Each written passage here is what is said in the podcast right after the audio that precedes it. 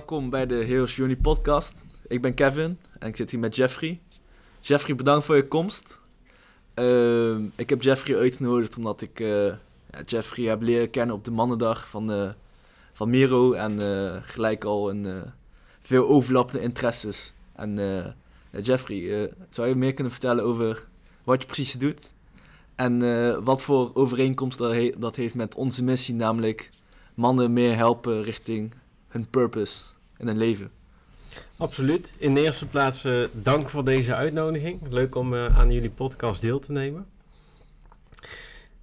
Laat ik met mijn privéleven beginnen. Ja, Ik woon eh, in Acht, in Eindhoven. Gelukkig getrouwd met Aniek. Twee zoons. En vorig jaar hebben we de woning in Acht gekocht. Ja. Super fijn wonen daar. Beste beslissingen van de afgelopen jaren. ja? Ja, absoluut. locatie Ja, of- als je kijkt naar, naar dan meteen die brug te maken naar, naar persoonlijke effectiviteit, Ja. dan is denk ik de omgeving waar je woont heel belangrijk. Oké. In Terwijl die mensen zin, als je daar eh, een goede verbinding met de mensen om je heen hebt, maar ook je mentale rust kunt vinden. Dus ook een plek hebt waar je goed kunt ontspannen, waar je in helderheid na kunt denken, dan doet dat heel veel. Ja. Dat had ik in mijn vorige woning niet, door de omstandigheden in die wijk. Eh, door eh, geluidsoverlast of... eh, Precies. ja. Precies. Dus een woning is belangrijk, als je het mij vraagt. En wat moet ik me daarbij voorstellen? Gewoon een apart kantoor voor jou om echt in de flow te komen en ook gewoon een ruime tuin waar je kan genieten? Of... Ja, dat en, en omgevingsgeluiden vooral.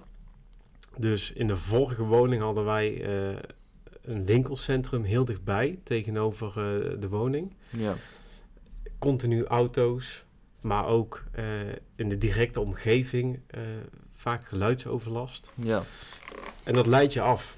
Ja, geloof ik. Geloof ik. Ehm, af en toe ook eh, qua slaap daar last ja, van. serieus. Oké.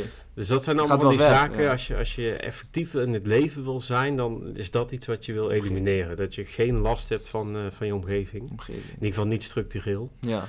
Ehm, dus ja, vandaar dat we vorig jaar een andere woning hebben gekocht. Ja. Goed om te horen. Eh, zakelijk ook de nodige transformaties gemaakt in de afgelopen jaren. Op dit moment eh, ben ik adviseur van de directieraad van de gemeente Eindhoven. Dat doe ik nu eh, sinds 1 november. Daarvoor drie jaar bij de afdeling handhaving gewerkt in, in diverse functies. De laatste functie was die van waarnemend afdelingshoofd. Dus mocht ik leiding geven aan, aan de hele Ja. afdeling. Is gewoon echt de top van de piramide eigenlijk. Ja, zo zou je het kunnen zeggen. Eh 86 FTE Ja. werken er in die afdeling, vijf teamleiders. Ja. En voordat ik waarnemend hoofd werd, was ik eh, programmacoördinator. Dus ik dacht vooral na over de strategie van de afdeling en ja. adviseerde eh, bijvoorbeeld de burgemeester over hoe je handhaving, toezicht en handhaving effectief in kunt zetten. Door omstandigheden ben ik op een gegeven moment gevraagd om eh, waarnemend hoofd te worden voor Ja. een, eh, voor een tijd. Een soort van interim functie. Ja, interim functie inderdaad. Door het uitvallen van het reguliere hoofd. Dat heb ik bijna een half jaar eh, mogen doen. Ja. Vervolgens ben ik dus naar de DR-directieraad gegaan als adviseur. En daarnaast heb ik mijn eigen bedrijf, Ja. ZZP'er. Daar train ik gedreven professionals in persoonlijke effectiviteit. ja. En eh, daar gaan we ook vandaag meer op inzoomen, omdat dat natuurlijk de overlap heeft met onze missie en jouw missie. Exact. En ehm, hoe ben je eigenlijk erin gerold? Of je, je- je zou jezelf beschrijven als trainer. Ehm, op wat voor moment dacht je in je leven zo van... Ik, ik heb eigenlijk best wel de competentie om mensen daarin wel verder te helpen. Of hoe is dat gegroeid bij jou? Ja. ja, dat is denk ik een heel geleidelijk proces geweest. Als je kijkt naar eh, mijn studiejaren en mijn eerste eh, bijbaantjes, dan had ik vaak bijvoorbeeld een voorzittersrol in, eh, in groepjes als je met studenten een project moest doen. Ja. Als ik daar zelf niet voor koos, dan werd ook wel eens gevraagd van, Serieus? "Jeffrey, wil jij weer voorzitter zijn? Dus ik, ik denk dat je het daaraan zag. Ja. En ik heb vanaf mijn vijftiende tot en met mijn 21ste ongeveer bij de Albertijn gewerkt in, eh, in bijbanen. Ja. En ook daar na een jaar, eh, dus ik was 16, toen ik een jaar bezig was, eh, werd ik veel ploegleider. Dat was Ja. niet echt een formele rol, maar meer informeel de teamleider eh, Ja, in de ondersteunen. avonden en weekenden. Ja, en op zaterdagen in de ochtend. En daar ook al een, een beetje die coördinerende rol. Ja. Je moet het niet te groot maken, maar je zag daar wel al van... Ik zet een stap voorwaarts ten opzichte van het gewone werk. En ehm, mag ik ook vragen, ehm, op basis van ehm, welk gedrag kozen mensen jou als leider? Was dat, want je bent ehm, niet echt zo'n eh, hardcore, eh, eh, schreeuwend persoon, leider, extravert type toch? Ja, misschien juist daarom wel. Jim Collins heeft daar ook onderzoek naar gedaan, hè, ja. van het boek Good to Great. Oké, De meeste leiders zijn juist nederig en bescheiden. introvert. Ja. Ja. Oké, interessant. Ehm, wat ik me nog goed herinner is dat, dat op een gegeven moment werd gezegd van ja, jij hebt altijd andere invalshoeken en een, een ander perspectief. En, en dat vonden in mijn studietijd vonden eh, medestudenten dat altijd heel fijn. Oké, En dus ik denk dat ik daarom eh, gevraagd werd en omdat ik makkelijk communiceer. oké. Helder, duidelijk. Kort en bondig ook. Ja. En niet al te lang van stof. Ja, Ik praat wel graag, maar ik probeer mijn boodschap zoveel mogelijk kort en bondig Ja. te, te over te brengen. precies. Dus even terug naar nou, studententijd en bijbaan eh, had ik eh, vaak leidende rollen. Op een gegeven moment werd ik bij de Alpentijn ook teamleider. Ja. Nog steeds als bijbaan. Drie jaar gedaan, hartstikke interessant. Krijg je ook een opleiding vanuit, eh vanuit de. Dat is goed geregeld daar. Ja. Ondanks dat ze weten dat het tijdelijk is en dat je op het moment dat je klaar bent met studeren daar weg Precies, bent. Dus ja. ze investeren daar toch in, althans destijds. Ik, ik Ja. vind dat nog steeds een mooi iets. Ik heb daar ook het nodige van geleerd. En eh, wat, aan wat voor training moet ik dan denken? De communicatie, eh, omgaan met agressie. Ehm, en ook wat meer de procesmatige dingen van, van eh roosterplanning maken en dat soort zaken. Maar met name communiceren. Daar werd het, we hadden uit mijn hoofd acht trainingen. Oké, veel ja. En minimaal de helft ging over communicatie. Ja, En ik denk dat dat voor elk individu heel belangrijk is. Maar zeker als je leiding geeft, is communicatie de sleutel. ja. Dus daar zag je dat zo ontstaan. Ehm, daarnaast heb ik eh, lange tijd taekwondo gedaan. En ik vond het daar ook heel leuk om andere mensen te trainen in eh, dat wat ik zelf al had geleerd. Ja, dus ik, uiteindelijk heb ik eh, de derde dan gehaald eh, toen ik 15 was, 14 of 15. Ja. Ik was vrij jong. van zwart, ja. Ja, dus Ja. Zwart, eh, zeg maar, de zwarte band halen is je eerste dan. Ja, En dan precies. daarna kun je tweede, derde tot en met de negende. Ja, Nou, ik heb dat tot en met de derde gedaan en uiteindelijk ben ik daarmee gestopt. Een paar jaar later ben ik, dus ik ben op mijn 15 gestopt. Een paar jaar later ben ik weer teruggegaan naar die vereniging. Ja, En toen heb ik een aantal mensen getraind die graag hun zwarte band wilden halen. Dus van rood naar Ja. zwart. precies. En die kennis overbrengen en zichtbaar maken bij mensen van dit is waar het misgaat of dit is wat er nog ontbreekt. Of als je die en die correcties maakt, dan ben je effectiever of dan ziet het Ja. er beter uit. Dat vond ik heel interessant om Ja. te doen. Dan heb je natuurlijk zelf wel de kennis nodig als je zo'n technisch iets aan iemand leert. Taekwondo is een technische sport. Ja, Dus je kunt dan ook iemand zo ver brengen als je zelf bent geweest. ja logisch, logisch. Ja, Ik denk dat het daar, als je het hebt over coaching, eh, heel vaak misgaat. oké. Dat is dat coaches anderen iets willen leren waar ze zelf nooit zijn geweest. Ja, oké. Vandaar dat ik mezelf ook niet profileer als coach, maar als Ja. trainer. Heeft een beetje een negatieve draai meegekregen, bedoel je? Of, uh, Ja, reputatie, zeg maar. Ja. nou ja, eh, coach is geen beschermd beroep. Hoeft ook niet. Maar daardoor is de, de drempel om het te worden of om jezelf te presenteren als coach is heel erg laag. ja. Dus ik, ik ben daarvan afgestapt. Ik heb me wel een tijd lang zo geprofileerd in de Ja. afgelopen jaren. Maar nu kies ik ervoor om het profileren als trainer. Om daarmee Ja. te benadrukken. Ik train je in de dingen die ik zelf beheers. Oké, ja. En dat wat ik niet beheers, dat zeg ik ook. Nee, en daarvoor zijn andere specialisten. Klopt, klopt. Eh, en dan kun je daar naartoe. Dus ehm, observeer dan ook vaak dat er een mismatch is in het competentieniveau van de cliënt en de coach dan. Of qua doelen. Dus dat, dat, eh, dat de cliënt bepaalde doelen heeft en dat, dat het niveau van de coach qua competentie is nog niet matcht met die ambitie. Ja, kijk, uiteindelijk coaching gaat om bewustzijn en verantwoordelijkheid. Dus je wil mensen bewust maken van werkbaar gedrag, zodat ze dat kunnen verstevigen. Ja, En van onwerkbaar gedrag, zodat ze dat kunnen transformeren. Als jij nog nooit een onderneming hebt gehad en je start als business coach, het zou in theorie kunnen dat je ondernemers helpt om te verbeteren in een onderneming.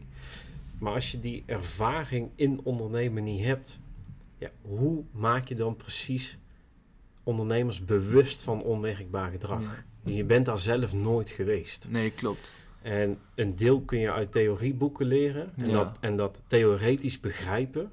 Maar vervolgens dat ook toepassen in het leven van ondernemers die op het speelveld staan. Hè. Een, een theorie Leven, ja. is geen speelveld. Nee. Dus ja, daar zitten een aantal zaken in waarvan ik denk, dat zou ik niet doen. Oké. Dus ik blijf daar zelf ook weg. Maar het is wel interessant, want jouw, ik zou je competentieniveau zeker hoog schatten, maar zelfs jij met een hoog competentieniveau bent je bewust van dat je van de valkuilen van die combinatie van coaching.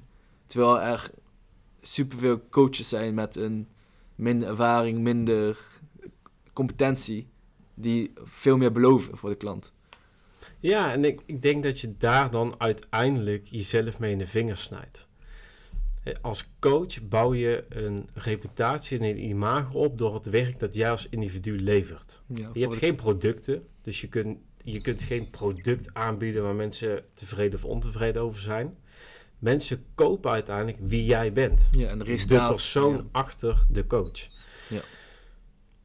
Als je grote beloftes maakt en uiteindelijk heb je een aantal cliënten geholpen en geen van die cliënten of heel weinig van die cliënten hebben daadwerkelijk gestelde doelen behaald, dan kost jou dat je reputatie en je imago. En uiteindelijk dus ook jouw zelfvertrouwen als coach. Ja, Dus in die zin eh, zou ik zeggen, coach mensen als je weet dat je iemand daadwerkelijk next kunt helpen naar het doel dat ze gaan stellen. Ja. Dus als je eh, business coach bent en je hebt nooit een onderneming gehad, wellicht kun je ZZP'ers helpen om, de, om een strategie te Ja. formuleren of, of dat soort zaken. Of als je bedrijfskunde hebt gestudeerd Ja, en je hebt verstand van business modeling en een stukje marketing, Ja. marktanalyses. Wellicht kun je daar een ondernemer mee Ja. helpen, maar dan ben je meer consultant dan ja coach. dat is ook eh, de distinctie die, die eh, we duidelijk moeten krijgen. Coaching versus consultancy. Ja, en, en dan is er nog een derde, en dat is therapie. Oké. Dus coaching, consultancy en therapie zijn drie wezenlijk verschillende specialismen. Maar als je goed kijkt naar wat veel mensen doen in deze context, dan, dan loopt dat door elkaar heen. Ja, En dus als je als coach gaat graven in het verleden van iemand en probeert daar een aantal zaken op te lossen, dan zit je echt meer in therapie. ja, Als je strategisch advies geeft als coach, dan zit je in de consultancyhoek. ja, Dus ook daar wil je een onderscheid in maken. ja, klopt. Of je coacht, dan richt je je op bewustzijn en verantwoordelijkheid. Of je bent consultant, dan geef je iemand advies op een vraagstuk waar hij of zij zelf geen kennis van heeft. Of je bent een therapeut. Ja. En waar zou je jezelf in plaatsen in een van die drie? Van het spectrum. Het meest in coaching. Oké. Ja. Dat is ook... ehm, kunnen we daar ook verder inzoomen op, op, jouw, eh, op jouw reis als coach zijnde.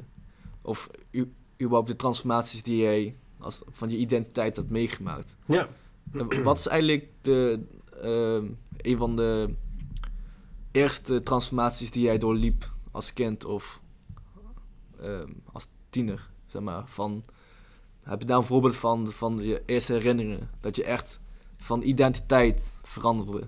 Van Jeffrey 1.0 naar 2.0? ja de, de, de allereerste keer was toen ik tien was. En dan ben je echt nog heel jong. Ja. toen had ik ehm, eh, meegedaan aan een soort scouting training vanuit het Nederlandse team Taekwondo. Ja.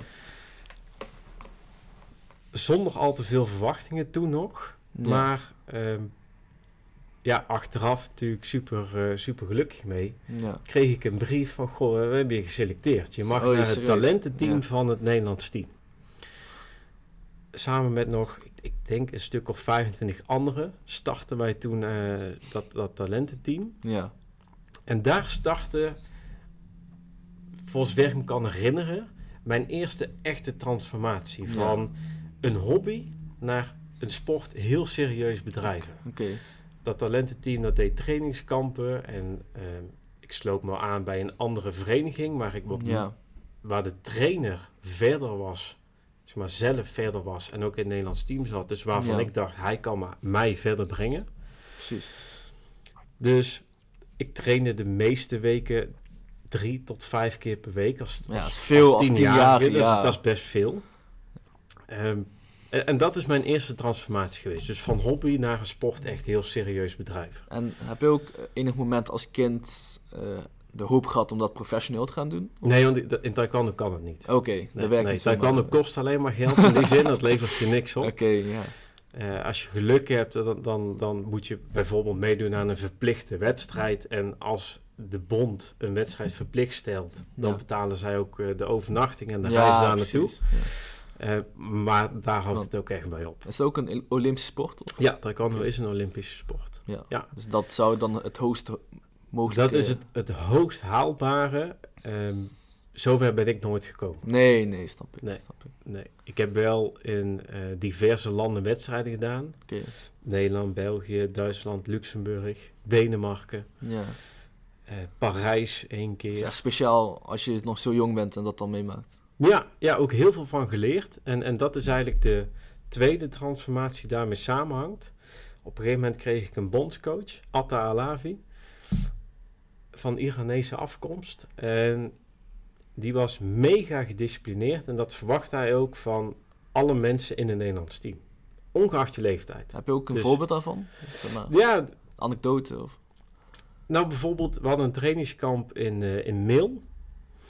En dat was drie dagen, vrijdagavond, zaterdag en zondag. En wij trainen daar meteen die vrijdagavond bij aankomst. En vervolgens zaterdag en zondag beide dagen drie keer. Dus ochtends om 7 uur opstaan moesten we eerst hardlopen buiten en Ja. een aantal oefeningen doen. Vervolgens ontbijten, uitrusten, smiddags trainen, uitrusten, eten, Ja. s'avonds trainen. En, en dat deden we zo zaterdag en zondag.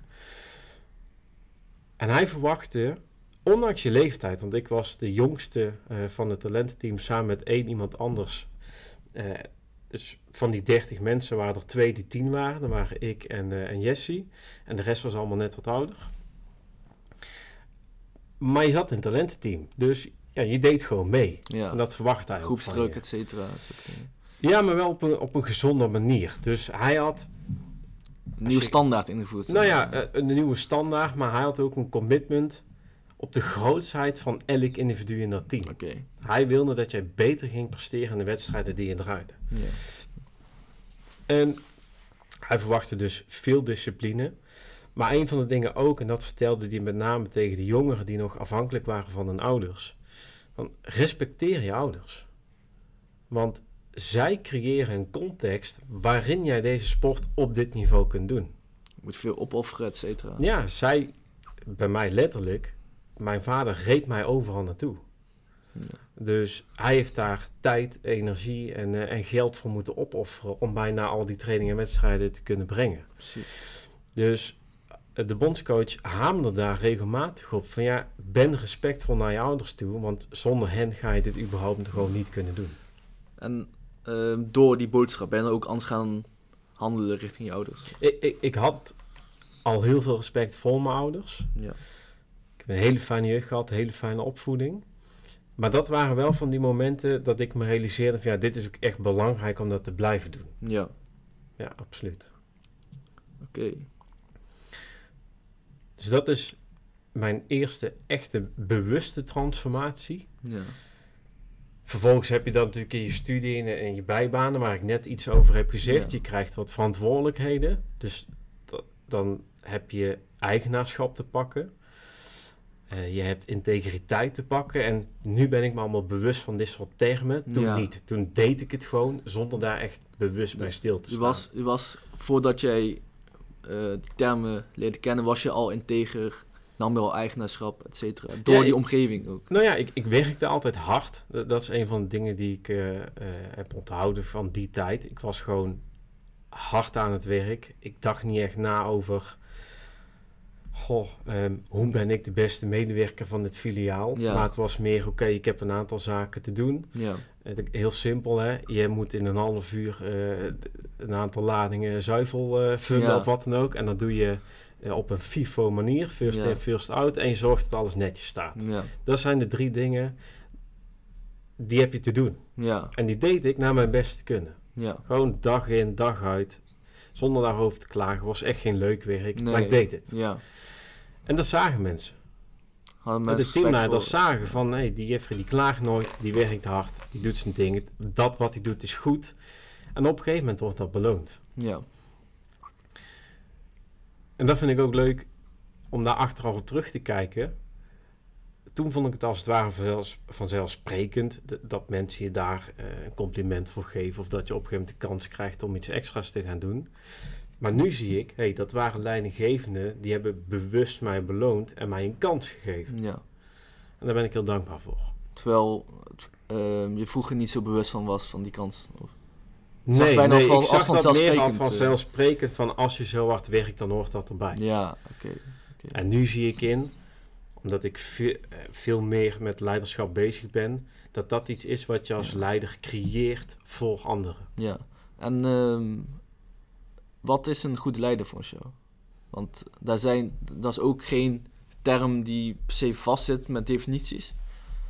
Nee, nee, nee. Ik denk dat je als je opzoekt dat je eh, minimaal 80 verschillende definities van leiderschap kunt vinden online. Voor mij is een goede leider iemand die een context creëert waarin medewerkers hun werk op een effectieve, efficiënte manier kunnen doen. Dus wel, is een leider dan ook per definitie resultaatgericht? Ja, wat mij betreft wel.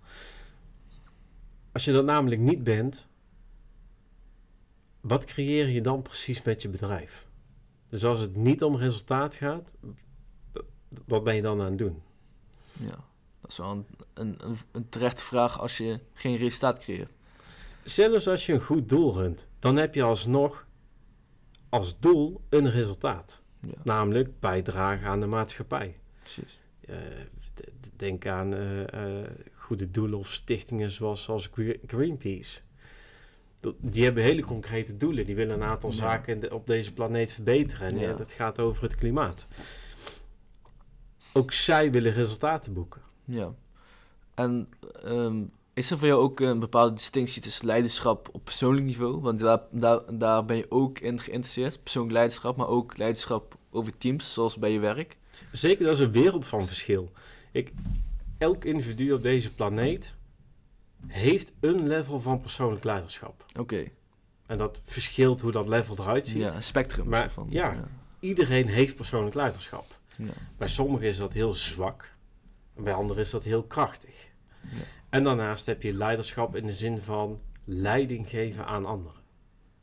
Dat kan informeel leiderschap zijn, dat kan formeel leiderschap zijn omdat je een rol hebt toebedeeld gekregen. Je bent manager of directeur of eigenaar van een bedrijf. Ja. Maar je hebt ook informele leiders. Dus dat zijn een aantal verschillende zaken. Maar persoonlijk leiderschap, dat heeft elk individu die op deze planeet rondloopt. betekent dat er dan ook een voorwaarde is om eerst eh, persoonlijk leiding te nemen over je leven, voordat je überhaupt leiding kan geven over anderen? Want ik weet niet of jij die, dat boek van Stephen Covey hebt gelezen, Seven Habits. Nee. Ehm, daarna heb je eigenlijk zo van een hiërarchie met onderaan in de piramide eerst ehm, je persoonlijke vaardigheden op niveau brengen voordat je überhaupt andere mensen kan inspireren of mee kan nemen in het resultaat. Mhm. Ben je daarmee eens of hoe zie jij dat? Ik wil hem iets nuanceren. Ik, in de basis, wat ik net ook zei, kun je mensen zo ver brengen als je zelf bent geweest. Dus als je kijkt naar eh, eigenaarschap, integriteit.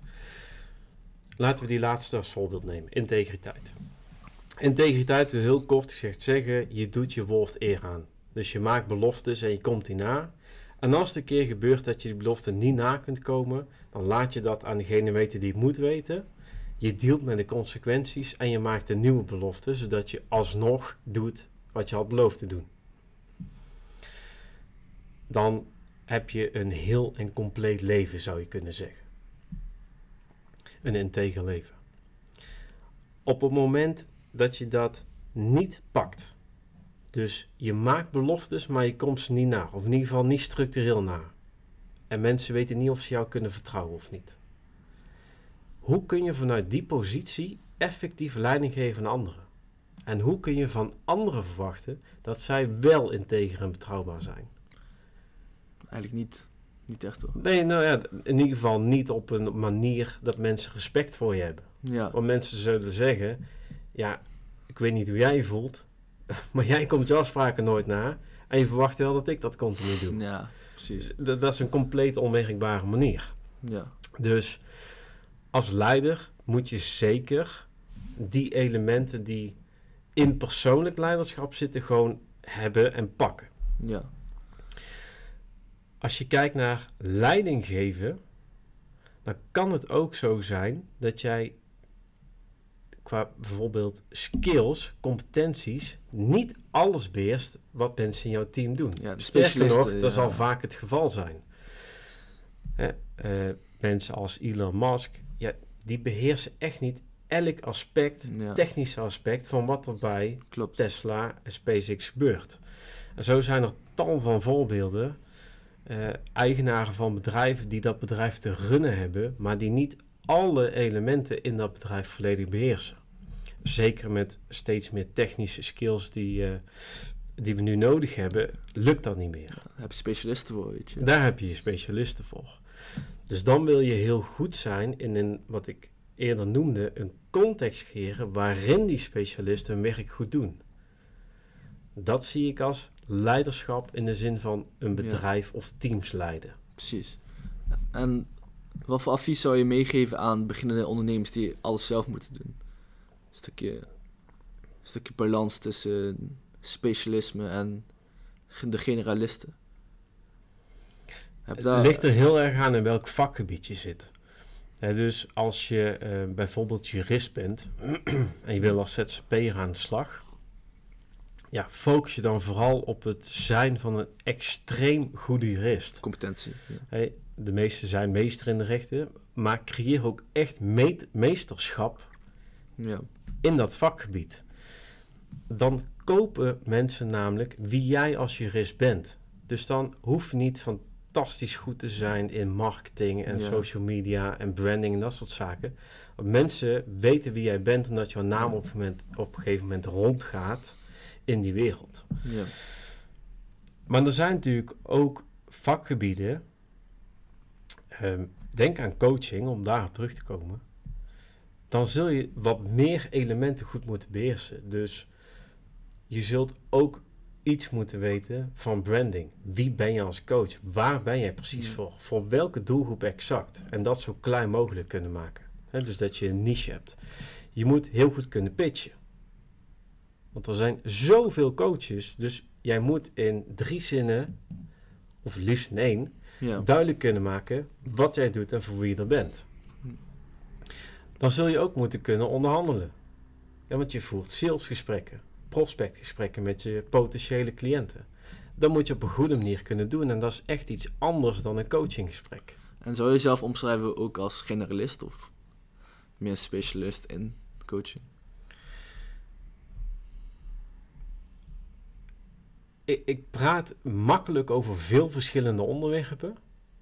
Maar omdat ik ook zie dat er steeds meer mensen zijn die zich hiermee bezighouden, ga ik ook meer die niche in. Meer onderscheidend Dus- vermogen creëren daarin. Exact. Dus ik focus me nu in, in mijn pitches vooral op persoonlijke effectiviteit.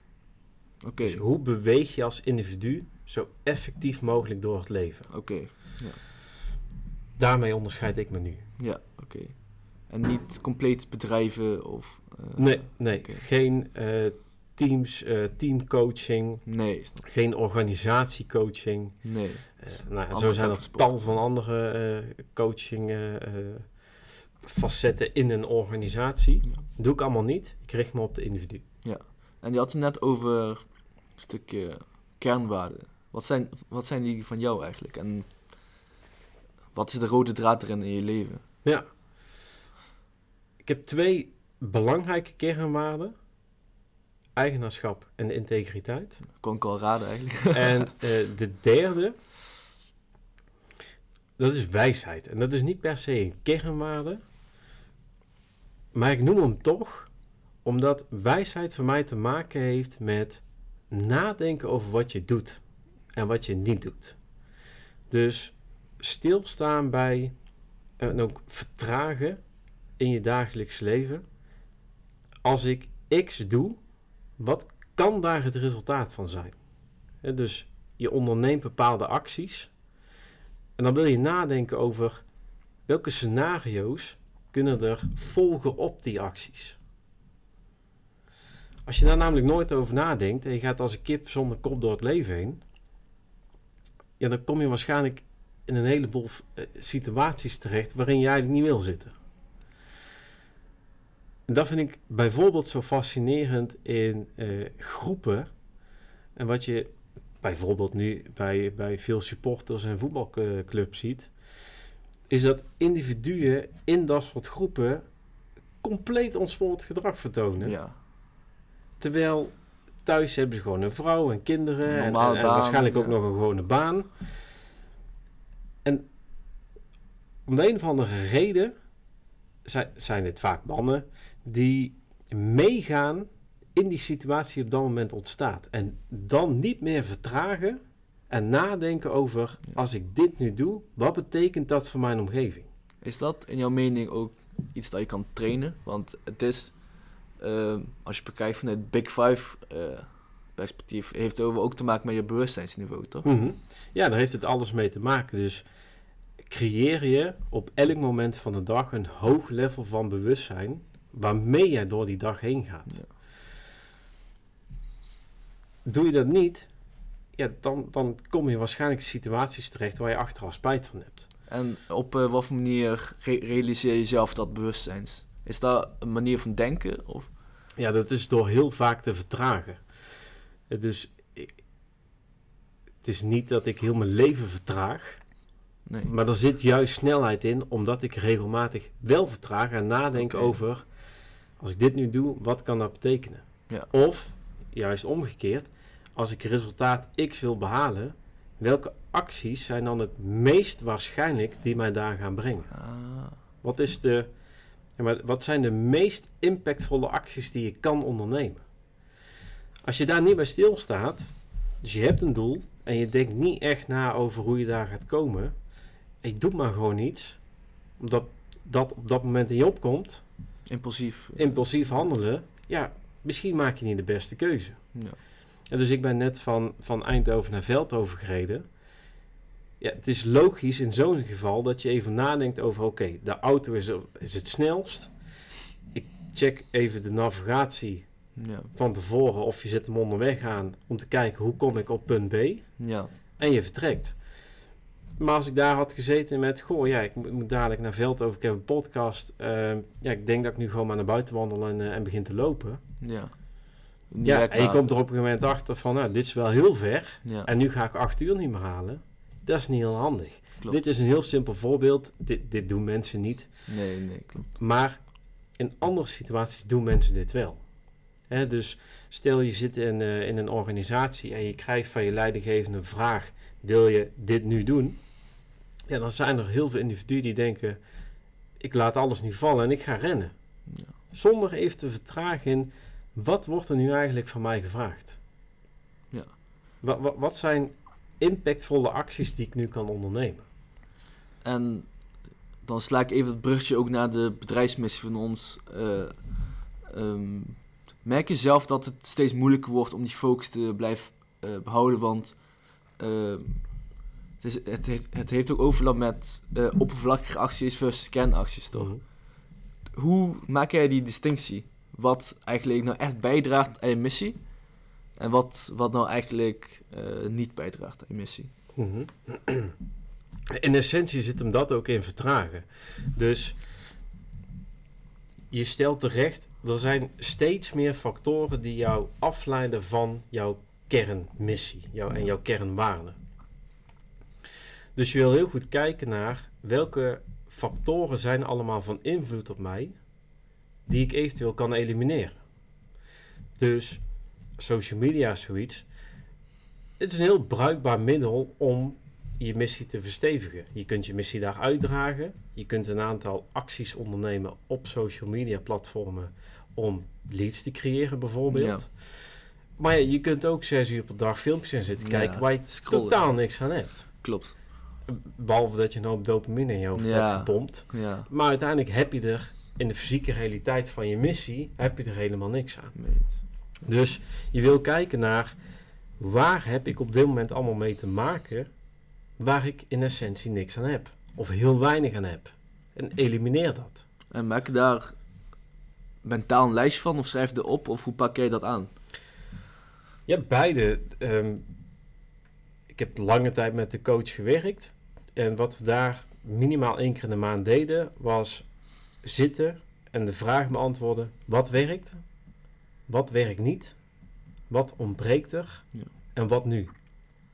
Vier vragen, heel simpel. Elke maand zitten en analyseren voor jezelf. Stel dat je een social media verslaving of een probleem hebt en je zou dat steeds terugzien bij wat werkt niet. En je schrijft daar elke maand op, ja, ik zit zes uur per dag op uh, TikTok te scrollen. Ja, daar wil je dus echt een correctie in gaan maken. Daarnaast, als je met een hoog level van bewustzijn door de dag heen gaat, dan ga je bij jezelf ook opmerken hey, ik zou een Instagram post maken omdat ik daar goed over heb nagedacht en dat past in mijn contentstrategie. Hm. En ik zit nou al 10 minuten naar andere zaken te kijken. Dus ik kap, dat, kap dat niet af. Je, je merkt het op. Ik zit naar iets te kijken terwijl dat niet de planning was. Ja. En je beëindigt het. Als je dat steeds gaat doen, dus je hebt dat bewustzijn en je doet ook iets, dan wordt dat een nieuwe gewoonte. Vind jij bewustzijn ook de eerste stap voor transformatie dan daarin? Zonder meer. Uh, zie dat als een routebeschrijving. Als jij van A naar B gaat, dan moet je eerst weten hoe A eruit ziet. Ja. Dus ik heb jou net gebeld omdat ik dit pand niet kon vinden. Ja. Ik stond op de provinciale weg, ja. maar ik wist niet exact in welk pand je zit. Precies. Ja. Ik was eerlijk tegen je. Ik zei, ik sta op de provinciale weg. Mijn navigatie zegt dat ik voor het juiste huisnummer sta, maar ik zie niet waar ik naar binnen moet. Ja. Maar ik had ook kunnen liegen. Ja. Dus ik had je ook kunnen bellen terwijl ik nog op de N2 reed. En dan kunnen zeggen, Kevin, ik sta op de provinciale weg, maar ik zie niet welk pand uh, ik moet zijn. Dan zou jij zeggen, als, je voor, uh, als, als de navigatie zegt huisnummer 144, dan zie je een groot wit pand staan. Daar staat iets van uh, accountants voor de deur. Ja. Daar moet je het hoekje omlopen en dan kun je naar binnen. Ja. Maar daar heb ik helemaal niks aan, want ik rijd nog op de N2. Ik heb geen idee waar je het over hebt. Klopt. Dus dat waar je nu staat, moet glashelder zijn en dan wil je radicaal eerlijk over zijn. Als je dat bewustzijn niet creëert, kun je alle tips, adviezen en boeken en wat dan ook tot je nemen. Je gaat er niks aan hebben. Dus stap 1 bewustzijn. Eh, wat ook misschien herkenbaar is voor de volgers, dat het bewustzijn zeker is. Ik bedoel, als mensen social media verslaafd zijn, dan valt echt wat te merken. Ehm, alleen, er is een soort van een gap tussen de stukken bewustzijn, maar ook de, het, bijsturen. Is dat een beetje herkenbaar vanuit jouw, of ja, je eigen ervaringen en ook vanuit je coaching? Ja, absoluut. Wij hadden afgelopen vrijdag een mastermind. Ja, en dan heb ik iets gedeeld over rackets. Ja. En een racketeer is een oplichter. En heel veel mensen, of vrijwel iedereen, ligt zichzelf met momenten op. En dat doe je in het voorbeeld dat jij geeft. Dus je weet dat iets niet goed voor je is, maar je, je doet het toch. Of je weet dat iets heel goed voor je is, maar je doet het niet. dus je weet dat een aantal keren in de week sporten en 10.000 stappen per dag zetten goed voor je is, maar dat doe je niet structureel. Herkenbaar. Je weet ook dat drie keer in de week thuisbezorgd niet heel werkbaar is, maar toch gebeurt dat regelmatig. Je hebt dat bewustzijn daarvan nodig in de eerste plaats En dat je ziet, dit is mijn gedrag, om vervolgens die correctie te maken. Maar dan gebeurt er iets fascinerends, en dat is waar je zelf mee oplicht, is je begint fantastisch klinkende redenen en excuses en verhalen voor jezelf te denken waarom het toch best oké is zo. Dus je hebt voor jezelf een doel gesteld, ik wil 20 kilo afvallen. Je weet hoe je moet gaan eten. En stel dat je geen idee hebt hoe je het aanpakt, je gaat naar een coach die vertelt, ja. of, of een diëtist of Google. Je hebt een aantal strategieën voor voeding, dus je weet nu wat je moet doen. Elk dieet werkt, ja. En daarnaast ga je trainen. Drie keer in de week krachttraining, 10.000 stappen per dag. Je zorgt dat je slaap in orde is. En je zorgt dat je stress onder controle is. Dus laten we die vier elementen pakken. Voeding, training, slaap en stress. Het is maandagochtend 7 uur. De wekker gaat. En je denkt, ja... Nu staat mijn eerste training op de planning. Maar ik ben een beetje verkouden geworden afgelopen nacht. ja. En ik heb ergens gelezen dat het niet heel handig is om te trainen als je verkouden bent. Dus ik doe het nu even niet. En ik stel deze uit. Dat klinkt op zich best oké. Ja. Ik bedoel, als je aan andere mensen vertelt van ik heb vandaag niet getraind omdat ik verkouden ben, is 99% met je, met je eens. Wordt geaccepteerd. Ja. Niemand die daar vraagtekens bij zet. Maar je hebt daar jezelf dus opgelicht. Je had gezegd dat je ging trainen en je deed het niet. Met een reden waarvan ik zeg, je had best gewoon kunnen gaan. Ja. Nu, als dat één keer gebeurt, is het nog niet echt een probleem. Maar dit wordt een patroon. Dus degene die dit zo doet, die skipt elke keer een training als er ook maar iets aan de hand is wat Ja. niet helemaal tof voelt. Of met voeding. Ja, we hebben echt een lange dag gehad en goh, ja, koken, ja, dat, dat vind ik helemaal maar lastig als ik zo moe ben en laten we gewoon thuisbezorgd doen. Nou, veel mensen zouden zeggen, ja, dat snap ik best. Hè? Je hebt een lange werkdag gehad, Ja. je bent moe. Ja, het is oké om gewoon even comfortabel iets te bestellen. Ja. Maar je hebt jezelf opgelicht. Nu, ook hier, als je één keer iets bestelt, is er nog niks aan de hand. Maar doe dat structureel twee, drie keer in de week en je gaat dat afvaldoel echt niet halen. Dus mensen zijn zich er inderdaad van bewust wat er moet gebeuren. En dan vervolgens zijn er allemaal van die redenen, excuses en verhalen die best oké klinken, die ze afhouden van de benodigde acties. Oké. En dan blijft het resultaat dus ook uit. ja, logisch. Dus waarom vallen de meeste mensen niet af of houden ze het er niet af? Niet omdat ze de kennis niet hebben. Nee. Dat is, dat is geen legitiem smoes. Nee. Nee. De smoes is, ja, er zijn continu dingen die mij afhouden van het doen van acties. En ik praat voor mezelf goed dat dat best oké is zo. Dus je zou een racket als een van de grootste stoorzenders benoemen voor het uitblijven van resultaat en het echt vervullen van de missie van Absoluut. mannen. Ja. Absoluut. Zijn er nog andere factoren die mees- meespelen buiten rackets of is, is, is dat echt de grootste stoorzender? K- soms heb je echt een gebrek aan informatie.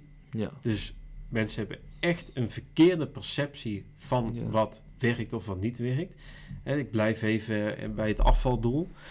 Ja, als je er echt van overtuigd bent dat koolhydraten de duivel zijn Ja. en je gaat op die manier door het leven heen, ja, je maakt het jezelf onnodig moeilijk en het klopt gewoon niet. Ja. Koolhydraten zijn niet de duivel, dat kun je gewoon integreren in, in een gezond dieet. Dus er kan echt een gebrek aan informatie zijn. ja. Maar dat is altijd op te lossen. Maar ook wel een klein aandeel van alle scenario's. Dan kan er een gebrek zijn aan competenties. Dus stel, je hebt een doel, ehm, gaan we even naar ondernemerschap, om van ZZP'er naar een bedrijf te gaan met een aantal medewerkers, Echt grotere BV, omzet. Ja, je wilt bijvoorbeeld een BV opzetten. Eh, je wilt buiten Nederland ook nog gaan werken. Ja, dan zijn er competenties die je moet gaan ontwikkelen die je nu niet hebt. Klopt. Maar waarschijnlijk weet je wat die competenties zijn. Eh, dus als je eh, weet van oké, ik wil mijn marketing gaan vergroten. Ik wil van Nederland naar Europa. Ja, dan weet je ook, ik moet iemand in gaan huren of ik moet een opleiding of wat dan ook gaan doen. Om die marketing skills op orde te gaan brengen. Zodat ik het bereik van heel Europa kan gaan dekken. Dus gebrek aan informatie, gebrek aan competenties. Dat zijn vaak twee zaken waarvan je weet, hier of hier heb ik iets te doen. Heb je Je keuze moet te het maken. op gaan zoeken. Ja. Dus je weet dat je het niet weet. Ja. De grootste valkuil zit hem in wat ik net zei. Dat is weten wat nodig is, maar het niet doen. Ja. Dat is eh, ook volgens jou dan de grootste reden waarom mannen niet hun missie kunnen vervullen wanneer ze het echt willen. Ja, en het zit hem soms ook in, in, in meer vernuftige dingen. Ik zal een voorbeeld geven van een cliënt van me. Die heeft een doel gesteld om van één bedrijf naar uiteindelijk een groep van vijf bedrijven te gaan. Oké. Fantastisch doel. Zijn why is fantastische staalprojecten maken voor anderen van hoge kwaliteit. Maar ook gezinnen te eten geven. Werknemers. eh, Ja, hij heeft een aantal werknemers. Hij heeft er nu tien. Hij wil het graag uitbouwen. En een van zijn redenen om dit bedrijf überhaupt te runnen... is dat die mensen een fijn gezinsleven op kunnen bouwen... omdat hij daar financieel voor aan Ja. bijdraagt. ja. Fantastische waai als je mij vraagt. Hij heeft meer sales nodig om die doelen allemaal te behalen. En dat weet hij. En daar hebben we het ook al een tijd over. En toch bleef dat uit. En nu uiteindelijk heeft hij een medewerker aangenomen waar hij volledig op kan vertrouwen. Een echte vakman die al langere tijd in dit vakgebied zit. En die ook al eerder in dit bedrijf heeft gewerkt en nu dus weer terugkomt. En nu ziet hij ineens van zichzelf: ik ben een tijd terughoudend geweest, omdat ik niet zeker wist of het team Ja. al die nieuwe projecten wel aankon. Oké. Maar nu is die nieuwe medewerker er. En er is iets in zijn hoofd geklikt. En nu vertrouwt hij erop dat dit team het pakt. Dus nu is hij ineens los. Zeg maar, ehm, is het ook een keuze geweest van hem dan? Of zeg maar die switch? Of is dat echt Het is- spontaan, organisch? Het is meer een onbewuste keuze geweest. Dus ergens is er iets van terughoudendheid ingeslopen. Hij ging er niet meer echt met volle overtuiging op uit om de sales te doen die, die nodig was. Om het bedrijf te laten groeien. Hij deed voldoende om alle rekeningen te betalen, om, om eh, zijn huidige klanten te blijven dienen, want die doen vaak eh, nieuwe aanvragen. Had hij allemaal onder controle. Maar echt die groei, de groei van het bedrijf, daar was meer sales nodig dan dat hij nu deed. Ja. En dat wist hij. Maar ergens is hij dus terughoudend geworden. Ja. En nu, na een paar weken, blijkt... Ja, dat kwam omdat hij eigenlijk zat te wachten op het starten van die nieuwe medewerker. Ah, oké. Dus dat is een heel vernuftig iets. En dan zie je, hij wist het wel. Maar ergens was er een blind spot, Ja. die we nu hebben ontdekt. Ja, ik durf het niet goed. Ik durf al die sales niet het bedrijf in te pompen. Want ik weet niet zeker of ze al die projecten dan wel goed uit kunnen voeren. ja. Dat kwaliteit rond gaat leiden. Ja, ja maar ook de hoeveelheid werk bijvoorbeeld. Oké. Dus het kunnen ook dit soort vernuftige kleine dingen zijn die toch een grote impact hebben. Ja, en hoe kom je hierachter? Dat is dus door met bewustzijn te vertragen en een gesprek te hebben met het liefst iemand buiten je bedrijf.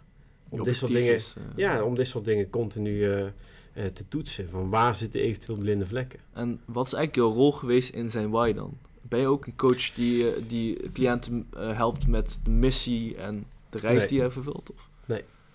Nee, dit had hij allemaal zelf bedacht. Ik heb hem wel de vraag gesteld: waar wil je naartoe? Dus die why van gezinnen te eten geven, eh, ervoor te zorgen dat ze het, het- het financieel voldoende of goed voor elkaar hebben om een fijn leven te kunnen hebben. Dat, dat had hij allemaal bedacht voordat ik met hem ben gaan werken. Maar het doel, ik wil van 1 naar een groep van meerdere bedrijven, dat is ontstaan in ons traject. Ja. Ik ben geen coach of trainer die zich bezighoudt met de strategie hoe je daar komt. Daar ben ik namelijk niet van. Daar heb ik ook niet voor geleerd. Daar ben ik zelf niet in getraind. heb ik zelf nooit gedaan. Ja. Dus daar houd ik me niet mee bezig. Waar ik naar kijk is, welke mentale houdingen creëert hij bewust en onbewust om dit doel waar te gaan maken?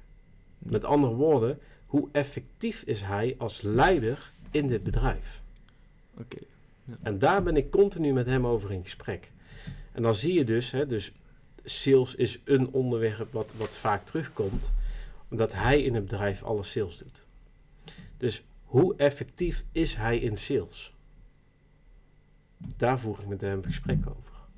En daar was die blinde vlek dat hij daar eigenlijk minder terughoudend moest zijn. Nou, ik zag wel al, want wij kijken elk maar naar de cijfers. Ik zag al, dit stagneert. En stagnatie is achteruitgang. Stilstand is achteruitgang. Ja. Dus ik blijf dat dan aantippen. Van wat is er aan de hand? Welke acties, welke kernacties heb jij te ondernemen? En we hebben een paar weken op rij die kernacties benoemd. En we hebben steeds gereflecteerd op wat heb je de afgelopen zeven dagen gedaan. En hij deed dus ook steeds wel een aantal van die acties, maar nooit echt met 100% overtuiging. Oké, En die aap is nu uit de mouw gekomen. oké, interessant. En eh, ehm, wat is eigenlijk jouw, jouw rol als coach ehm, wat betreft de link tussen de persoonlijke levensmissie en de bedrijfsmissie? Is daar voor jou connectie ehm, in jouw rol als coach? Nou, wa- wa- wat ik belangrijk vind is, het bedrijf is een middel om bij een doel te komen. Ja. En dat kan een persoonlijk doel zijn. Hè? Dus stel Ja. dat iemand zegt, ik heb een persoonlijk doel om uiteindelijk eh, voor mijn vrouw en mijzelf, mijn partner en mijzelf, een goed pensioen te creëren. Ik heb bijvoorbeeld twee kinderen. Ik wil daar de studies van kunnen betalen. Ja. En ik wil voor beide kinderen een huis kopen. Want Ja. de markt is heel moeilijk. Dus ik ga Ja. dat voor ze kopen, zodat zij zich daar niet meer eh, druk over ook te daar, maken. daadwerkelijk jouw missie? Of, eh, Niet van mijzelf, Oh, maar van een cliënt. Oh, die, die heeft dit zo uitgesproken. Dus dat is een persoonlijke missie. Ja. Het gezinsleven zo structureren dat er geen financiële zorgen zijn en dat Ja. er een woning is en gestudeerd kan worden, et cetera. Het bedrijf is vervolgens een middel om dat te gaan realiseren. Waar ik met elke cliënt wel naar kijk is, komen die dingen met elkaar overheen? Dus stel jij in het bedrijf doelen die daadwerkelijk kunnen leiden Ja. tot die persoonlijke missie volbrengen. Want stel, je hebt die persoonlijke missie die ik net omschreef, maar in je bedrijf stel je doelen van 100.000 euro omzet per jaar, dan ga je niet halen. dus. ja, daar ga je geen enkel huis van kunnen kopen. Nee. Laat staan twee. Klopt. Dus ja, die twee dingen moeten absoluut met elkaar in overeenstemming zijn. Ja. Welke doelen iemand stelt, moeten ze zelf bedenken. Ja. Ik kan een aantal vragen stellen om ze daarover na te laten denken, maar ik ga niet in de consultancy modus Nee, om daarin mee te denken. Maar ik kijk natuurlijk wel naar, is dit realistisch? ja. En komt dit overeen met elkaar? Dat is de link. Ja. En ehm, heb je nog tips voor de, voor de luisteraars die meeluisteren die ehm, nog onduidelijk hebben wat, wat hun eigen missie daarin is? Zeg maar persoonlijk gebied. Kies iets. Oké. Dat zou mijn beste tip zijn. Probeer. Dus ook al weet je niet precies wat je eh, wil gaan doen, kies in ieder geval iets. Want zonder richting heb je überhaupt geen idee waar je naartoe moet. kan ook niks proberen. ja. Nee, ja, eh, een bekende uitspraak is: als je niet weet naar welke haven je vaart, dan is geen enkele wind gunstig. ja. Van Seneca volgens mij. Ja. Dus je zult in ieder geval iets van richting moeten hebben, ook al weet je nog niet precies wat je met je leven wil. Maar kies een richting. En als dat uiteindelijk iets blijkt te zijn waar je helemaal niet tevreden mee bent, maak een correctie. ja. Verander. Niks is in beton gegoten. Ja. Je creëert die missie in taal. D- dat is het mooie van, van Met mensen en, en, en, en hoe ons brein werkt en hoe de wereld voor mensen werkt. Je creëert zaken door het uit te spreken, door iets te verklaren. En je kunt elke dag een nieuwe verklaring doen. Ja. Nu, je moet natuurlijk wel consistent zijn, omdat anders niemand meer weet wat Ja. je aan het doen bent. Maar stel je eh, kiest voor een, een, een bepaalde business. Je gaat de health-industrie in, de fitnessindustrie. En na vijf jaar denk je, dit is het niet voor mij. Ja, maak een correctie. Ga iets nieuws doen. Nou, Als je geen idee hebt wat, kies iets en kijk dan vanuit daar eventueel weer verder. wat, eh, wat ervaar je dat mensen tegenhoudt om te kiezen? Of, merk je dat bij cliënten? Of als je goed Ja. om je heen kijkt, bijvoorbeeld. Vaak is het eh, angst voor het onbekende en het vermijden van risico's. Dus als je een bepaalde keuze eenmaal maakt, ja, en je bent integer, dan ga je dus ook doen wat nodig is. Dan komen er een heleboel dingen op je af die je nog niet kent. Dus dat zou je kunnen onbewust ergens kunnen vermijden. Hè, zolang je niet kiest, hoef je ook al die acties niet te gaan doen. Hoef je ook niet te dealen met dat onbekende. ja. Ja, dus, dus je, uiteindelijk kies je dan onbewust in dit geval voor comfort. Ja, klopt. Ik denk dat dat, dat eh, vaak voorkomt. Dus niet kiezen komt dan over als comfortabel zijn. Terwijl uiteindelijk, elke dag dat je niet kiest, gooi je een dag van je leven weg. En dan betaal je prijs in het spuit. Ja, spijt. En, en als er iets kostbaar is op deze planeet, dan is het tijd. Dus je wil niet op je sterfbed liggen en denken: Goh, als ik nou eens 16 jaar eerder die keuze had gemaakt, dan had mijn leven heel anders uitgezien. Klopt. En dat in je, in je achterhoofd hebbende maakt je minder terughoudend in je keuzes die je maakt vaak. Ja, absoluut. Ja. ja, als je heel goed voor ogen houdt dat je doodgaat, dat je op een dag sterft Ja. en dat je op je sterfbed geen spijt wil hebben, ja. dan word je een heel stuk minder terughoudend. Dus je raadt ook bijvoorbeeld cliënten aan om het, ehm, ja, minder, eh, minder rekening te houden met al die mentale, mentale projecties die je hebt. Met worst case scenario's en eh, Ja, wa- waar ik met veel cliënten naar kijk is, als jij een bepaalde keuze in gedachten hebt, wat is het ergste dat er kan gebeuren als je die keuze eenmaal maakt? klopt. Ja, dus een van mijn cliënten die heeft een bedrijfsovername gedaan. En ook hij twijfelde daarover, dat was de eerste keer. Ik heb, ik heb me totaal niet bemoeid met die overname op zich, want daar heb ik helemaal geen verstand van. Maar omdat hij twijfelde, heb ik op een gegeven moment de vraag gesteld: wat is het ergste dat er kan gebeuren als je bedrijf eenmaal hebt overgenomen en het wordt een compleet fiasco? Het kost geld. Ja. Oké. Is dat het enige? Ja, de medewerkers in dat bedrijf die komen op straat te staan. Oké. Dus dat zijn de twee dingen. Jij verliest geld en inderdaad geïnvesteerd, eh, geïnvesteerde tijd. En de medewerkers in dat bedrijf komen op straat te staan. Ben je bereid om die twee risico's te nemen? Weer afweging. En dat is ja of nee. Dat, dat moet je ook niet complexer maken dan dat. Nee.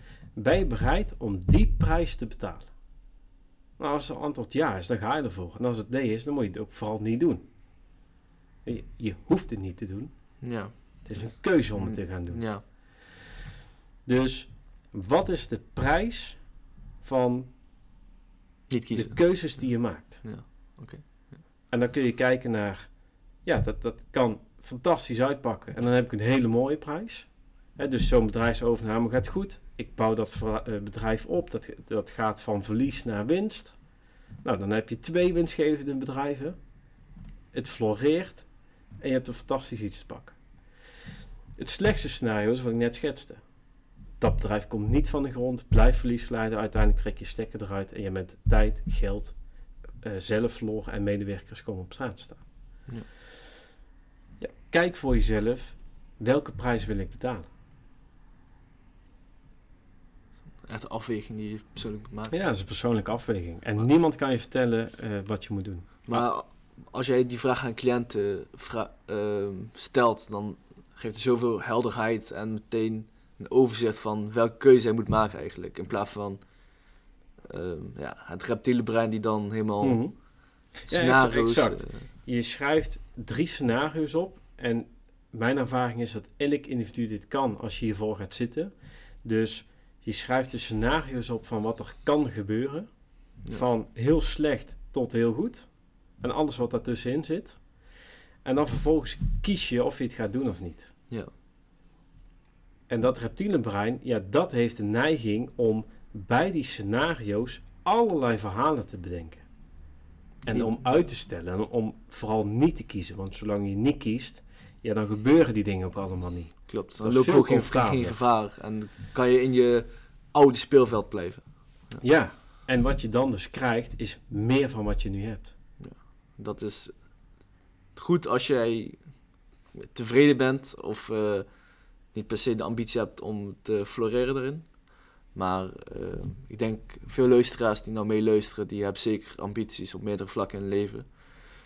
Ik, wil je bedanken voor je tijd. Ehm, kort samengevat, ehm, we hebben nog drie korte tips voor onze luisteraars die momenteel eh, zoekende zijn naar een missie en ehm, graag een, een vaste eh, missie of purpose nodig hebben om sneller en sterker door het leven te gaan dan nu.